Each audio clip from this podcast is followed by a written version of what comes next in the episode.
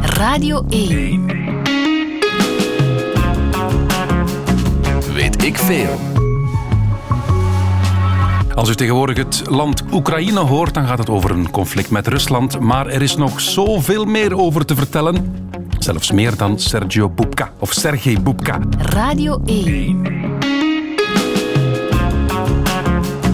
Weet ik veel. Met Kobe Ilse. En we staan even recht. Van beste mensen, dit is het volkslied van Oekraïne. Want vandaag in Weet ik Veel gaat het over een land waar we tegenwoordig alleen maar over horen als het over een conflict met grote buur Rusland gaat. Maar wat weten wij over Oekraïne? Deel van Europa, ja, maar blijkbaar het grootste land van Europa. Wist u dat? Ik wist dat niet. Daarom hebben we een ervaren Oekraïense bij ons in de studio. En nu moet ik heel goed opletten op de uitspraak van haar familienaam. Ik heb net al les gekregen, maar ik vrees dat ik het verkeerd ga doen. Irina Zbrodjek. Heel juist. Is het waar? Zbrodjek. Zo, dat is het, hè? Zbrodjek. Zbrodjek. Irina, je spreekt ook prachtig Nederlands. Dank u. Hoe lang ben je in België?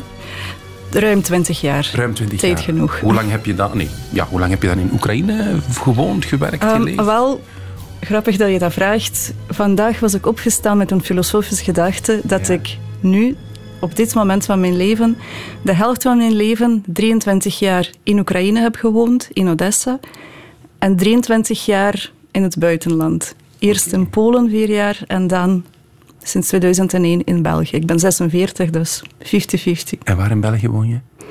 Momenteel sin- ja, sinds zes jaar in Kortrijk. In Ko- van Oekraïne naar Kortrijk. Het is... Ja, wel, we hebben ook, eh, ja, wij, ik met mijn gezin, ehm, Vlaanderen doorkruist. Onze eerste bestemming was Leuven, vier jaar. Dan was het tien jaar Zuid-Limburg, tussen de appels en de peren. ja. En sinds 2016 is het Kortrijk. Mooi zo, mooi zo. Maar vandaag gaat het niet over West-Vlaanderen, Limburg of Brabant, maar we gaan het hebben over Oekraïne.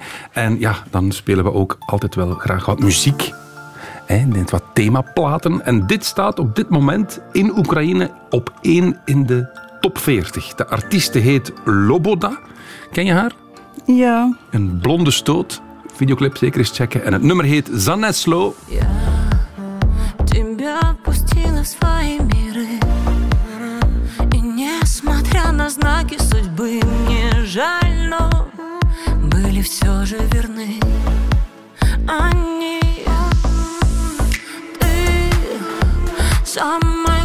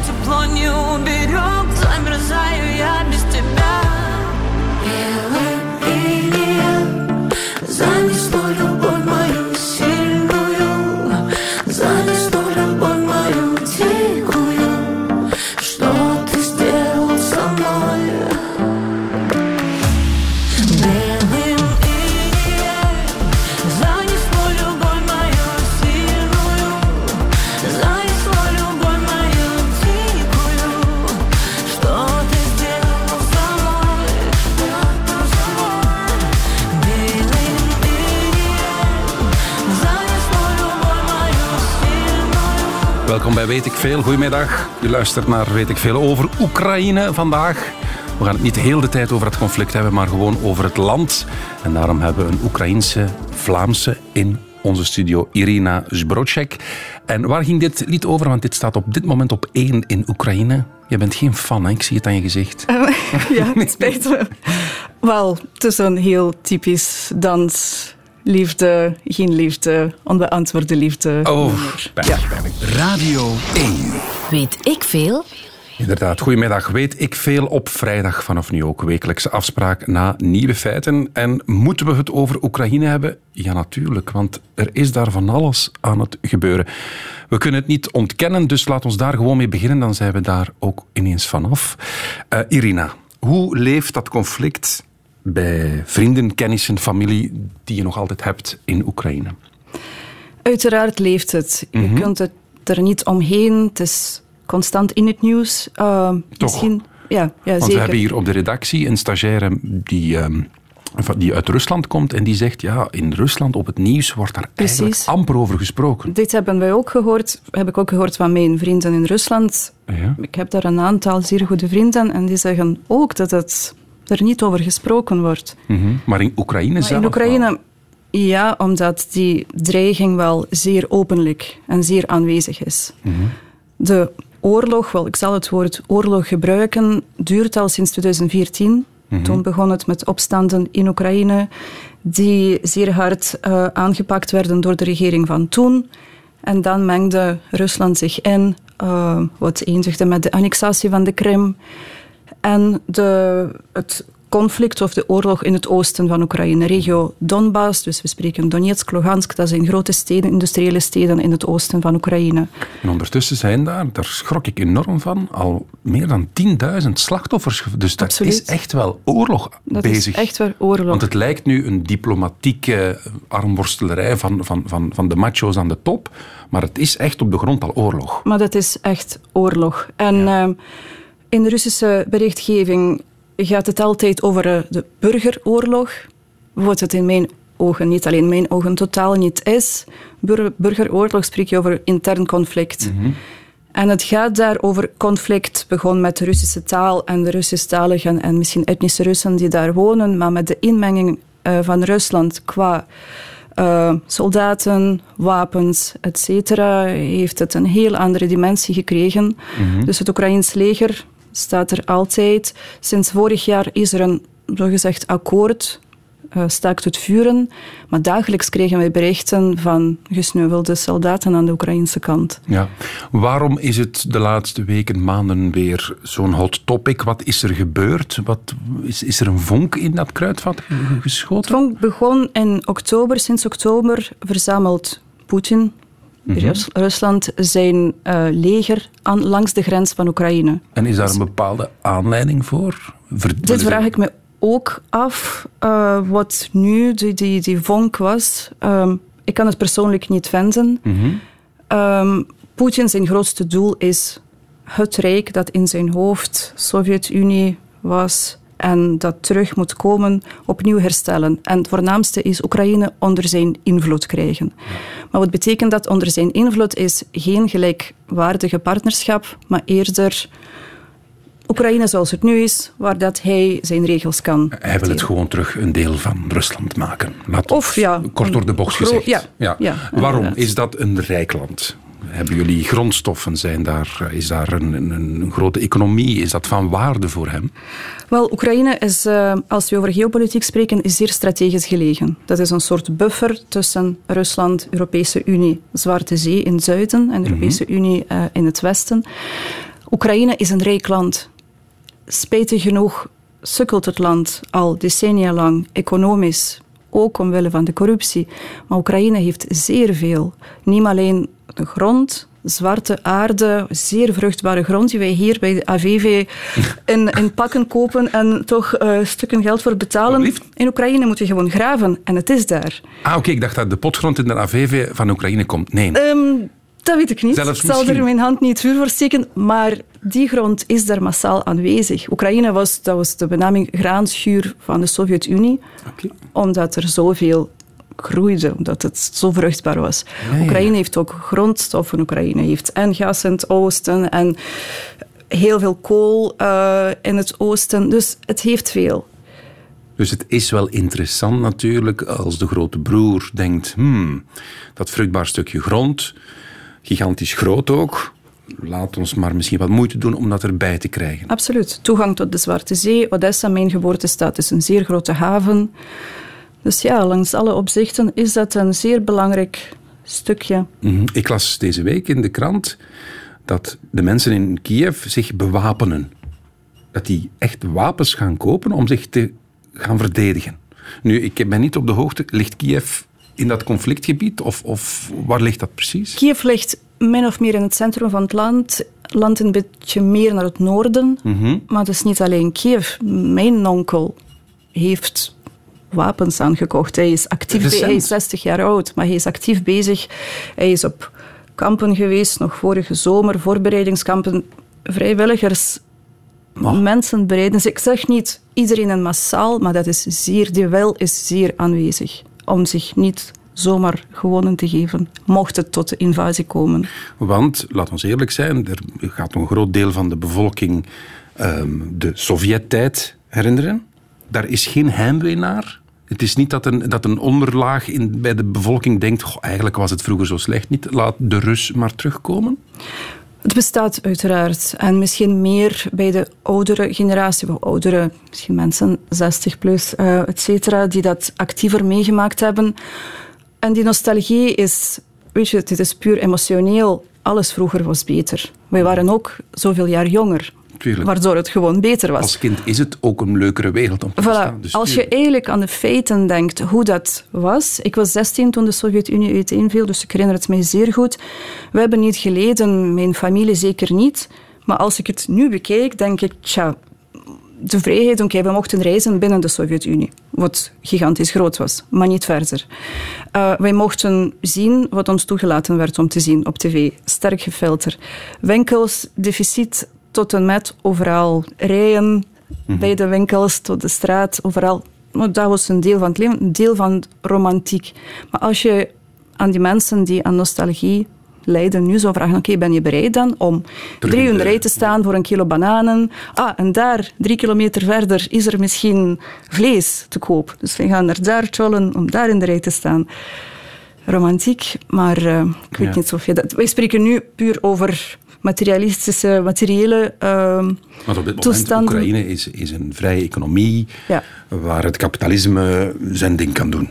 Dus Ja. daar heb je Ja. H&M's en daar heb je Zara's in de straat. Zo van Inderdaad. Ja, en, ze En- hebben, en heeft de jongere bevolking dan schrik dat ze dat gaan verliezen? Wel, schrik zou ik niet zeggen. Wat dat, het, het voornaamste wat ik hoorde van mijn vrienden is: het leven gaat door. We kennen het al acht jaar lang en ze geloven misschien niet zo erg dat, dat Russen echt Oekraïne zal binnenvallen. Maar het leven gaat door. Maar mocht het nodig zijn, velen zeggen wij, dan gaan we vechten of dan gaan we iets doen om wat in onze macht is om dat tegen te houden. Maar dat verliezen, ja, dat willen ze zeker niet. Ook dat vrij reizen, dat nu voor iedereen toch, toch open is en voor velen toegankelijk is met Ryanairs en Wizz die ook actief Ja, in Oekraïne ja. zijn, et cetera. Ja. Dus er is ongerustheid, de bevolking bewapent zich.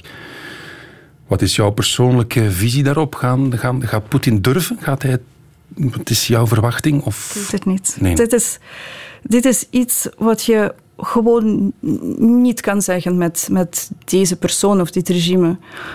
Ik hoop van niet, want het komt ook totaal niet goed uit voor hem. Economie van Rusland, eh, ik ben geen expert, maar je hoort het overal, doet het echt niet goed. Staat op niveau van Italië of Spanje. Voor zo'n groot land is dat Ruslands Russische economie is vooral afhankelijk van gas en, eh, eh, en olie. Nu staat het hoog, fijn, maar als het naar beneden gaat, is het corruptie is enorm en Poetin en zijn omgeving zijn regel als de, als de hemel hoog is. Ehm, dus oorlog in Oekraïne, inval in Oekraïne, komt hem niet goed uit economisch, maar zijn populariteit daalt omdat het economisch niet goed gaat. Je kunt je belofte, je propagandamachine kan supergoed werken. Ja, en corona Maar je moet toch waarschijnlijk. je, ja. En corona inderdaad, maar je moet toch iets kunnen kopen met jouw loon en jouw pensioen. En dat verandert.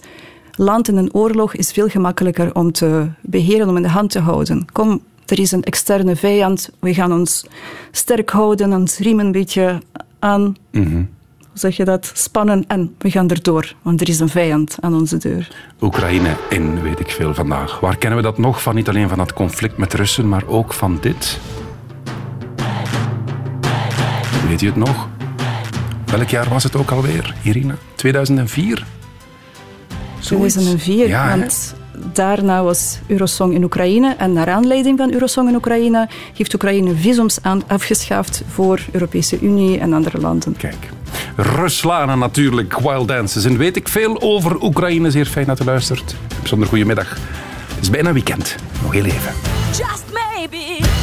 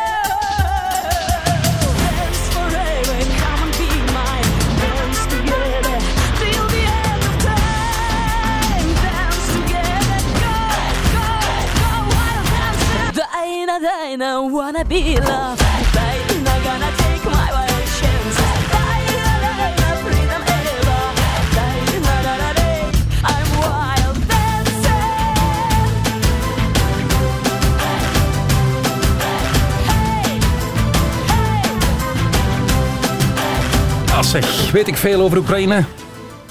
Ruslana won in 2004. Patat. En vanmiddag heeft Sergej Bubka weer toegeslagen. In het Italiaanse Sestriere sprong Bubka met de polstok over 6 meter en 14 centimeter. Een verbetering met 1 centimeter van zijn eigen twee jaar oude wereldrecord in open lucht. Het is de 35ste keer dat Bubka een wereldrecord polstokspringen verbetert. Weet ik veel? Ja, dat weten we natuurlijk ook over Oekraïne. Bubka, de legendarische polstokspringer. Maar vandaag hier in de studio zit Irina Zbrocek. Is het goed? Ja. Juist. Niet, niet gemakkelijk, maar bon. Want het gaat in, weet ik veel, over Oekraïne. Dat land bijna of eigenlijk in oorlog, hebben we al geleerd. Maar we gaan daar niet bij blijven stilstaan, want het land op zich interesseert ons natuurlijk ook. Laten we beginnen bij het begin. Hoeveel mensen wonen daar? Uh, laatste volkstelling spreekt over ongeveer 41 miljoen mensen. 41. Ja. En qua grootte, wat moet ik met als je dat vergelijkt met België, waar, hoe groot is het? 20 keer België. Wauw. Ja, Oekraïne is qua gebied het grootste land dat volledig in Europa ligt. Rusland is uiteraard het grootste, maar Rusland ligt over twee continenten, Europa en Azië. Als we alleen over Europa spreken, is Oekraïne het grootste. 42 miljoen mensen, 20 keer België. Ehm, wat zijn de grootste steden? Ja, Kiev kennen we natuurlijk, de hoofdstad. De hoofdstad telt eh, iets minder dan 3 miljoen mensen. Dan heb je Kharkiv. En Kharkiv ligt in het oosten, eh, boven Donetsk, oorlogregio, zeer dicht bij de grens met Rusland. Kharkiv telt, denk ik, kleine anderhalf miljoen mensen. Ja. Dan heb je mijn geboortestad, Odessa. 1 miljoen mensen. En dat ligt echt aan die Zwarte Zee. Is dat, Odessa is de haven, het- het- grote haven aan de Zwarte Zee. is dat het Oostende van, van Oekraïne? De- De stad aan het water? Ja, maar iets groter. Iets groter. Ja, Ja. Oostende is niet zo geweldig groot. Nee, wel, wel een zeer fijne stad. Uw ogen beginnen te blinken als je over Odessa praat. Ja, Mis je nou, het niet dan? Het is een moeilijke vraag. Ik zal niet zeggen dat ik elke dag gemis en nostalgie voel.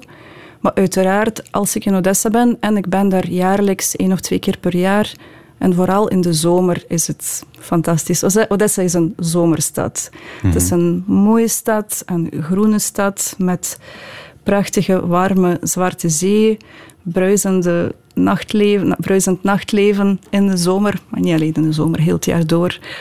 Ja. We hebben hier een eh Oekraïens muziekje zitten. Neem ons eens mee in Odessa. Neem ons eens op de dijk, langs het water in de Zwarte Zee. Wat zien we? Je wandelt langs de zee, de golven. De zee is zeer mooi. Je kan wandelen eigenlijk, zowel in de voormiddag, 's ochtends. Laat, mijn laatste keer was middernacht toen ik daar was. Hoe warm is het daar in de zomer? Kan je In daar... de zomer kan het zeer warm zijn, tot Oké. 35 graden. Zomers zijn zeer warm. Dus Odessa is echt een, een vakantiebestemming binnen Oekraïne. Absoluut. Altijd geweest en nu nog altijd. Mhm. ja. Wat, welke mensen zien we daar rondlopen? Is, is, daar, is de levensstandaard hoog? Zijn dat mooie mensen, ontwikkelde mensen? stad als wij over Oekraïne spreken. Uh, ontwikkelde stad, zeker qua infrastructuur, qua economie. Multiculturele stad. Historisch is een redelijk jonge stad. Eind 18e eeuw was het eh, gesticht. En toen was dat eh, een lange periode... Dat had een statuut van, statuut van Porto Franco, een vrije haven Mhm. waardoor handel met buitenland eh, floreerde en waardoor je mensen had die zich daar kwamen vestigen van Griekenland, Italië. Zeer grote Joodse gemeenschap. Historisch zeer grote. Ook grote invloed van de Joodse gemeenschap ons, op onze taal. We hebben een eigen dialect met veel woorden uit Jiddisch en het accent dat je niet kan missen. Ja, en als je langs de zee wandelt in de zomer, dan hoor je muziek overal. Dan zijn er restaurantjes, bars en disco's of mensen die gewoon aan het strand zitten.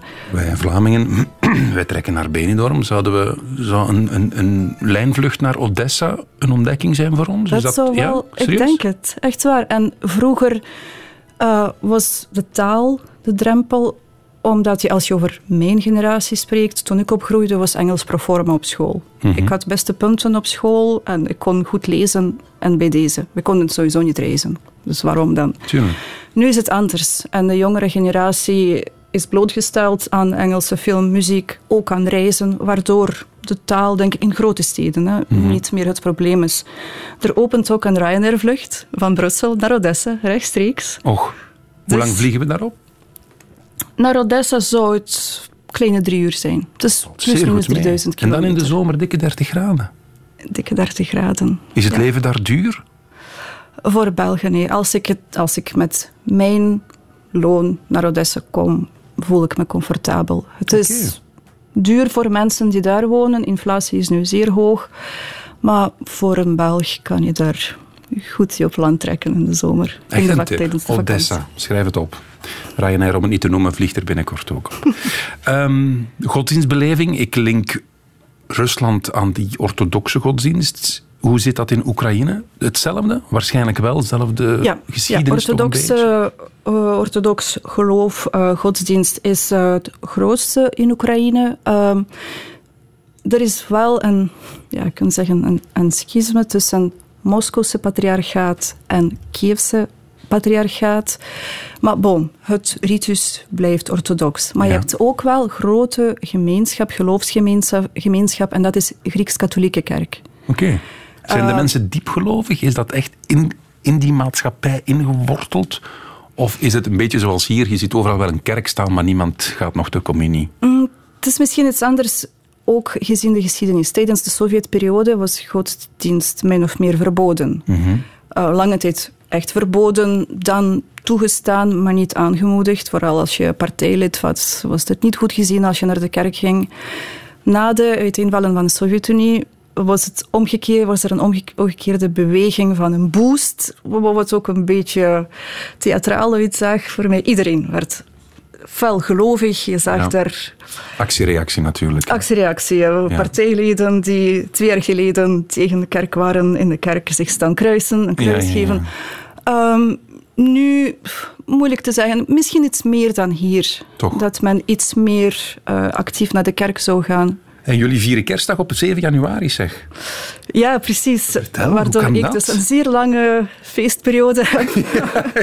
doe, doe jij dat ook dan, hier in Kortrijk op 7 januari kerstmis vieren? Dat is dat. Nu, dit jaar was mijn mama bij ons op bezoek op 7 Ja? januari. Dus dan is het iets meer en dan kunnen wij. We hebben ook natuurlijk onze. We hebben goede Oekraïnse vrienden in Kortrijk, waarmee we samenkomen ja? met z'n vieren. Ja, En, en waarom 7 januari? Dat heeft iets met de kalender te maken dan, denk ik. inderdaad. Ehm, dus op één moment heeft de wereld besloten om naar de Gregoriaanse kalender over te stappen van de Juliaanse. En er, zit, er zitten twee weken Ah, tussen ja. die twee. Maar de orthodoxe kerk bleef hangen, vraag mij niet waarom, bij die oude kalender, wa- waardoor de vaste feesten wel altijd twee weken later zijn. Ah, oké. Dus. Pasen en zo.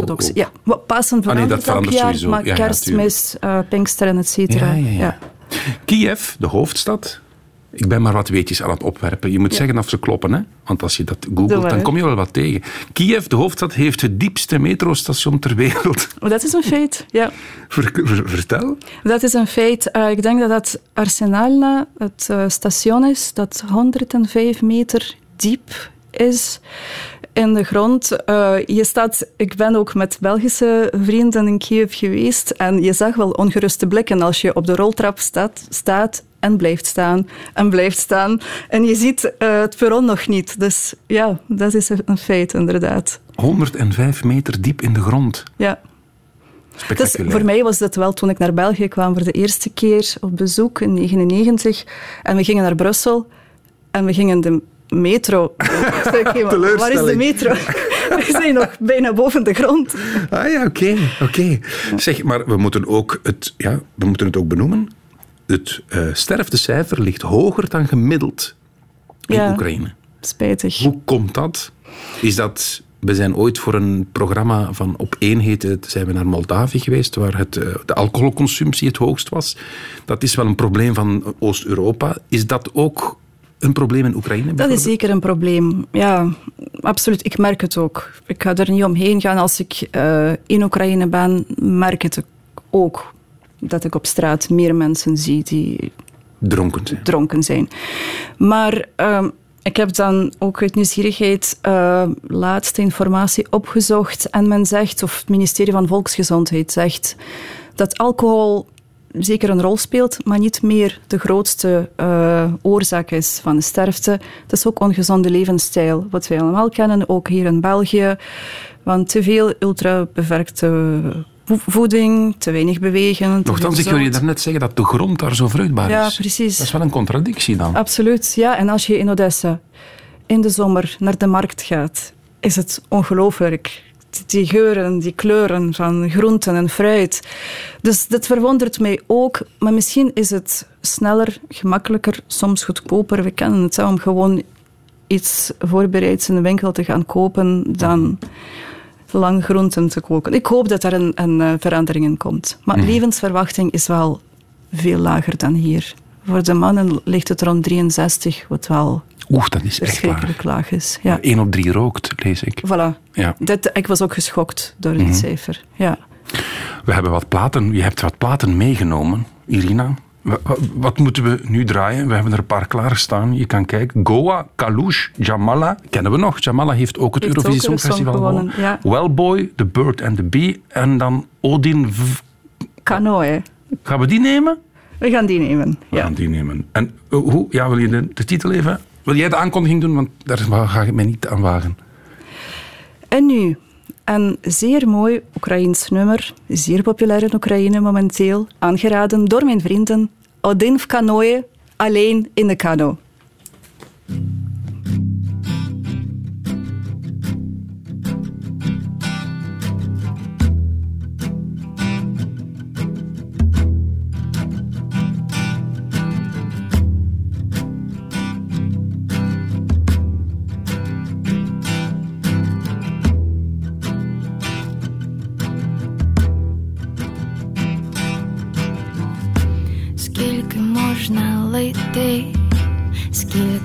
Можна бавити слова, вони не діти.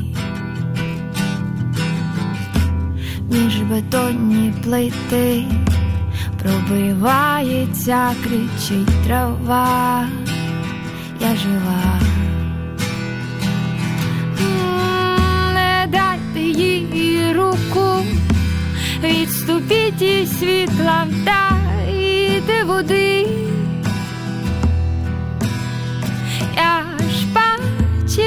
Зрозуміла знак, усе навпаки, усе не так навіть ти. Ти не пообіцяй мені, пообіцяй мені, що завжди горітиме світло в твоєму вікні.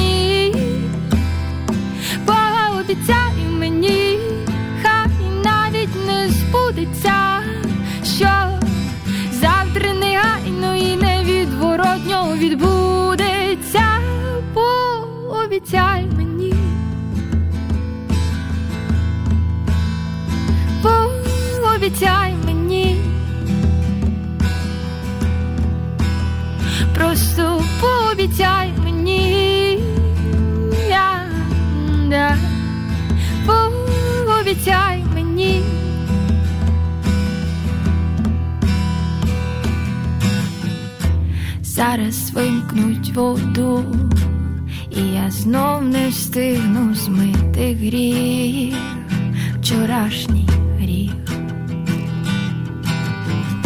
Weet ik veel over Oekraïne. U hoort een Oekraïens nummer op de achtergrond. We hebben bij ons in de studio Irina Zbrodjek. Jij bent eh, vertaler-tolk ook. Kan jij ons even meenemen met wat er gezongen wordt? Ehm, goh ja, zij, het is eigenlijk ook een verhaal over een relatie binnen een koppel. Maar wel mooier verwoord, zonder te veel I hear your voice and I have no choice. Ah ja, dat, het eerste het- nummer dat we gedraaid hebben was... dat was precies dat. Ja, dat stond op En één. dit is ook een heel mooi Oekraïens gezongen. Het, het tweede nummer. Ja, want het eerste nummer was in het Russisch. Ja. Hoe, hoe zit dat? Is Oekraïens Russisch? Of is dat een totaal andere taal? Want het klinkt, voor ons klinkt het een beetje hetzelfde, Ja, ja, ja, als ik eerlijk mag ze zeggen. lijken zeker op elkaar. Dat zijn beide Slavische talen, dus grammaticaal lijken ze heel fel op elkaar. Maar Oekraïens is effectief een aparte taal. Qua woordenschat leunt Oekraïens veel meer naar het Pools. Ah ja. Ik heb gelezen dat tot 70% van het woordenschat, Oekraïens woordenschat bij het Pools leunt. En ik heb het zelf ervaren toen ik naar Polen ging, naar mijn studies in Odessa, om een master na master daar te doen, leerde ik Pools op straat. Ik volgde geen cursussen, maar voor mij was het gemakkelijker om dat te begrijpen dan voor mijn Russische medestudenten. Maar stel nu, jij gaat naar Moskou. Kan jij in jouw eigen taal een koffie bestellen en de weg vragen daar? Of gaan ze, is, is het, zoals Nederlands en Duits? Dat je, dat iets je dichter. Ik wel... maak vaak Ja. ook ja, die vergelijking, inderdaad. Maar ik denk dat iets dichter ligt. In grote lijnen verstaan we elkaar, zeker. Ja, ja. Maar als je meer in detail, gelijk dit nummer dat net afspeelde, dat zal moeilijker zijn om alles te begrijpen voor een Russisch-talige. Je hebt met Arnoud Hoube gewerkt, de reporter. Juist, Je bent eh, zijn tolk geweest. juist. En Arnoud Houben heeft gezegd... Oekraïners zijn de West-Vlamingen.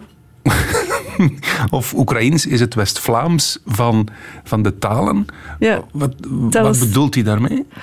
Ehm, wel, ik mocht inderdaad eh, als tolk meestappen in het programma Ten Oorlog Ja. van het productiehuis De Chinezen Arnoud. Ehm wij waren begonnen in Rusland en dan was het Oekraïne, eh Wit-Rusland en Polen. En toen wij door Oekraïne stapten en daarna werkte ik ook aan, ook aan een ander programma mee in het westen van Oekraïne. En Oekraïners zijn misschien niet direct open. Je hebt geen Amerikaanse direct een smile en how are you? Ja, ja een beetje gereserveerd zo. Uh, maar we hebben het veel ook gezien dat je dan door een dorp stapt en mensen kijken jou een beetje argwanend. Ja, ook die gasten met de grote camera en een micro. Maar dan begin je te praten en dan gaan de deuren open. En dan zit je binnen met een glas en een volle tafel. Dus, Is het daarom dat Arnoud zegt West-Vlamingen? Omdat West-Vlamingen misschien op voorhand ook wat gereserveerd zijn, maar op het moment ja. dat, je, ja, Ja. dat je binnen in de, in de circle belandt, ja, dan krijg je het. eh, eten en gezelligheid. Ik denk het. Ja, inderdaad. Maar er is ook iets met de klank. Jullie hebben de H, de, H, De H. de he, hè? Die Dat komt terug, hè? Ja, dat was voor mij eh, toen ik mijn huidige man ontmoette en ik vroeg hem over het Nederlands. En David komt van Kortrijk, dus dat is dan meer uitgesproken. De G En dan dacht ik, H. de G, ja, dan dacht ik, tja, dat is, wel, dat is wel een klank die voor mij makkelijk is om uit te spreken. Ehm Oekraïens heeft dus, Russisch heeft alleen letter G, dus Harrison Ford wordt Garrison Ford. Ja, ja. Uh, maar in het Oekraïens zeggen wij he. En dat is zo zeer zacht en open he, zoals houdt het. De heilige. West-Vlaams. dus ja, ik voelde ook, dacht ja, nog één link met West-Vlaanderen. Mooi, mooi, mooi. Ehm, als we over Oekraïne praten, moeten we het hebben over jullie president. We gaan daar niet flauw over doen. Zelensky heet hij, president Zelensky. En ehm, ja, het is zoals het is. Dat is een comedian. Ja. Of hij was comedian. Ja. Hij was een ster op de, op de televisie. ja, inderdaad. Wanneer is hij verkozen? In welke omstandigheden wordt een comedian president? Weet je, dat was eigenlijk de periode, verkiezingen hebben twee jaar geleden plaatsgevonden. En dat was de periode dat wij net eh, Donald Trump verkozen zagen, dat wij Boris Johnson verkozen zagen, dat wij ook veel hoorden ja. over proteststem.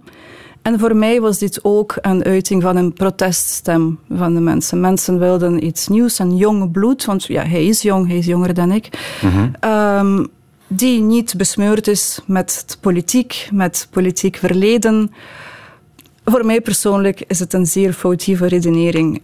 Ik zie hem, bon, dit is Irina's Brožek, haar mening. Ik zie hem als incompetent. Hij kan het niet aan. Je kan een goede comedian zijn. En hij speelde net voor de verkiezingen, liep er een serie waar hij een zeer gewone leerkracht speelde, die tegen het regime was, die het beu was. En die het dan tot de president Dus schopte. door die rol heeft hij een bepaalde Op- populariteit ja, gekregen, politiek gewicht gespeeld. gekregen. Ja. Ja. Ja. want je ziet op YouTube, als je die man eh, googelt of, of zoekt, je ziet die heel awkward met Poetin Ja. praten. Dat Poetin hem bijna leert hoe hij moet omgaan met de pers. Precies. Het, het- ja, zeker Wel, een, land in zo'n conflict. Voilà. En dan een comedian. Ja. Pas op, misschien is het... eh, het, het kan goed uitdraaien. Of heb je daar geen vertrouwen in? Nee. Nee. Persoonlijk nee, eerlijk gezegd. En ik denk dat er ook... Want zij kwamen... Zijn grootste belofte was... Ik zal de oorlog eindigen. Ik zou die belofte nooit maken in die situatie. En hij was tegen de vorige president Poroshenko. Ik zal nooit zeggen dat Poroshenko een heilige was en helder en nergens in ehm, vermengd was qua geld.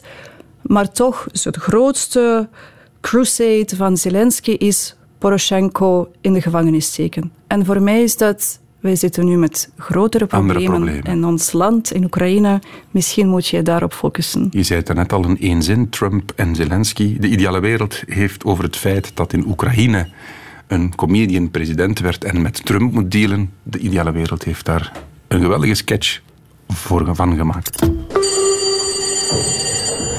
Hello? Hello? Hello? Hello? I believe uh, the president is on the phone. Nee, meneer. Who am I speaking to? Met Zonneke. Met Zelensky. Trouwens aan het laai 122 keer. Oh, yeah, well, uh, Sjoske. yeah, Joska. Sjoske Zelensky. Trouwens aan het laai 122 keer. Okay, is your daddy home? I want him to find me some crap on Biden Hunter or Biden Joe. Oh ja. Dus over Gunther of Joe. Of over Biden. Biden, yes. Over Biden. Ik zal eens gaan horen, meneer. Pa, het is de Trump. Hij wil dit weten over Biden Joe of Biden Gunther. Of Biden.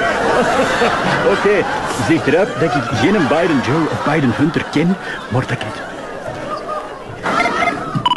Hello? Hallo Trump. Yeah, did you find some crap on Biden Hunter? Wil ik zit gaan vragen bij de Gunther, maar krap uit hem niet. Alleen kaas en salami.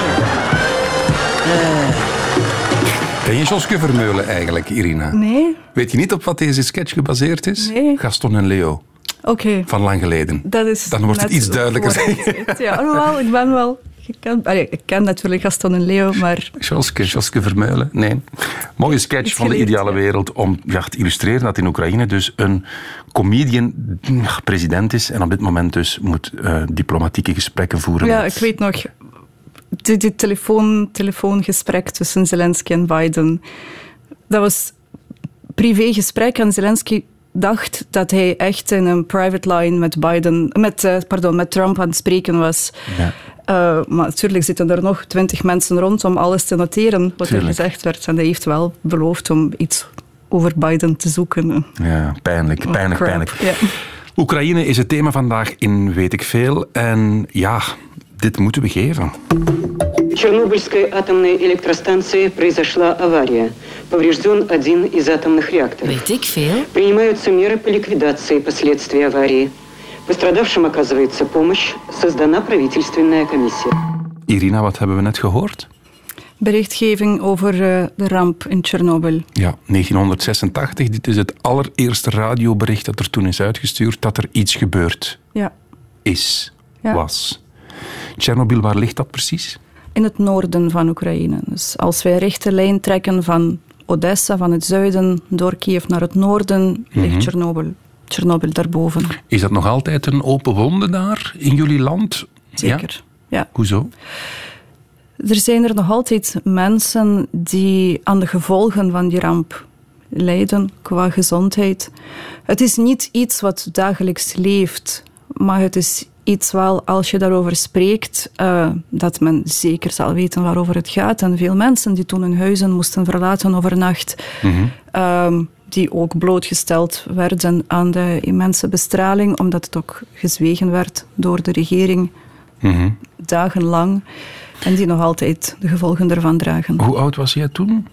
Ik was net 12 jaar, 11, 12 jaar. Maar ik weet het nog Dat moet een geweldige indruk nagelaten Ja. hebben. Of werd dat in de pers eigenlijk wat klein gemaakt? Of... Lange tijd, zeker. Ja. Zeker. Want eh, toen het gebeurde, eh, enkele dagen later, dat was 1 april, 26 april, 1 mei, altijd grote parade op eh, de dag van de arbeid. En dat mocht doorgaan in Kiev onder de regen, radioactieve regen. De partijleden stonden allemaal goed gemutst en gesjaald, want ja, ze, moesten, ze moesten hun gezicht wel tonen, maar met de nodige bescherming. Dat leek raar op 1 mei, warme dag in Kiev. Maar het leven ging door. Niets ergs. In de Sovjet-Unie mocht er geen, kon er geen ramp gebeuren. Dit zei Armand Pien. Ken je Armand Pien? Ja. Dit zei die daarover. Wij zaten ook met een verrassing. Vanmorgen namen we weer praat in de radio, waar alles veilig was. Een kwartier later hoorden wij dat de metingen vannacht toch op een toename van radioactiviteit hadden gewezen. En het zeer merkwaardig is dat het eerst in Durbe werd genoteerd, 100 kilometer ten zuiden van Brussel. Dan in Brussel zelf. Dan hebben we opgebeld naar Nederland. Daar kwam het aan. En nu heb ik juist vernomen in BBC dat het ook in Engeland is aangekomen. Is er een verantwoordelijkheid genomen uiteindelijk dan in Oekraïne? Hebben, is er een soort schuldbesef, schuldgevoel? Of nog altijd niet? Ehm, wel, schuldgevoel, dat waren de leiders die de beslissingen namen om dat stil te zwijgen. Ik weet niet of je die serie gezien hebt, absoluut. Chernobyl. Ik ook. Dat, dat heeft mij enorm aangedaan. En gewoon buiten enkele feiten die misschien niet eh, met de realiteit strookten, vond ik het toch zeer, zeer Mhm. realistisch. En ja, er waren er enkele, enkele hoofden eh, hebben gerold, maar dan ook mensen die dat opentrokken, werden ook opzij gezet. Ah. Heel open mocht het niet getrokken worden. Mhm. En eigenlijk mensen die rechtstreeks blootgesteld werden aan de bestraling, zowel reddingswerkers als mensen die daar toen woonden, geëvacueerd werden. eh, dat was gewoon een directieve van, van het centrum van boven in Moskou. Hun gezondheidsproblemen mochten, hun diagnose mocht niet in, eh, er mocht geen link zijn met de ramp in Tsjernobyl. Ah, Oké. Ja, waardoor ze ook geen premies mochten krijgen Ja, ja, ja, om te, voor de behandeling. En, maar er zijn er zeer veel kankergevallen, zeer veel mensen gestorven, waren gestorven aan de gevolgen daarvan. Dirk Kastelein stuurt. Ken je Dirk Kastelein? Ja? Veel groeten aan Irina. Ze was aanwezig als tolk op ons huwelijk. Supervriendelijke dame. Die krijgt er, Dank je, Dirk. Die krijgt de groetjes. Maar we zijn in de geschiedenis aan het graven van Oekraïne. Eh, ook- ja, uiteraard is Tsjernobyl een, een litteken, ongetwijfeld. Maar we moeten het ook hebben, als we over littekens in de geschiedenis praten, moeten we over Babin Yar. Spreek ik dat juist uit? Juist, ja. Wat is Babin Yar? Babin Yar als locatie is een pl- plaats in Kiev. In de jaren 40 was het net buiten Kiev. En Yar betekent een ravijn, een canyon. Ja. Mhm. En Babin Yar, dat was de naam van die plaats. Maar die plaats, als je die naam uitspreekt, denkt men direct aan Holocaust en de vernietigen van de Joden. En vooral Joden, maar dan ook iedereen die het naziregime ongewenst vond. Het grootste massagraf van slachtoffers van het nazisme Ja. ligt daar. Ja. Het grootste. Dus wij denken aan Auschwitz, wij denken aan de, de kampen in Duitsland en in Polen. Maar Oekraïne heeft het grootste massagraf. Oekraïne heeft oorlog ook heeft verschrikkelijk geleden tijdens de Tweede Wereldoorlog. Mhm. Absoluut. Oekraïne ha- had ook een zeer grote Joodse gemeenschap. Zoals ik zei, Odessa, mijn stad, eh, steden rond Kiev in het westen van Oekraïne en in Kiev zelf eh, was er een grote Joodse gemeenschap. En Kiev werd vrij snel bezet eh, na het begin van de oorlog. En dan op één dag werd het besloten door het regime dat de Joden geëlimineerd moesten worden. 29 en 30 september 1941, op die twee dagen, 34.000 Joden doodgeschoten. Ja. En je ziet, je hebt er historische beelden, foto's. Dat, dat is wat, ik spreek er nu over, ik ben er ook geweest verschillende keren op die plaats, waar nu een gedenkplaats is uiteraard. Maar als je dat ziet, dus mensen werden verzameld, ze moesten hun kostbaarste bezit meenemen. En toen was, was het al gekend dat het niet goed beloofd, maar men speculeerde, gaan wij ergens naartoe in een ghetto, kamp, eh, gedwongen arbeid. Maar nee, ze werden gewoon eh, naar Babin Yar verplaatst. Dat was ook strategisch gekozen, omdat het ten eerste zeer makkelijk was om dat dan te verdoezelen. Ze eh, elimineerden de mensen, fuseerden de mensen, aarde daarop en dan een nieuwe rij. Maar daarnaast was er een station, dus men dacht, vele Joden dachten, oké, we gaan ergens naartoe gebracht worden. En dan werden de mensen in rijen gezet, gefuseerd.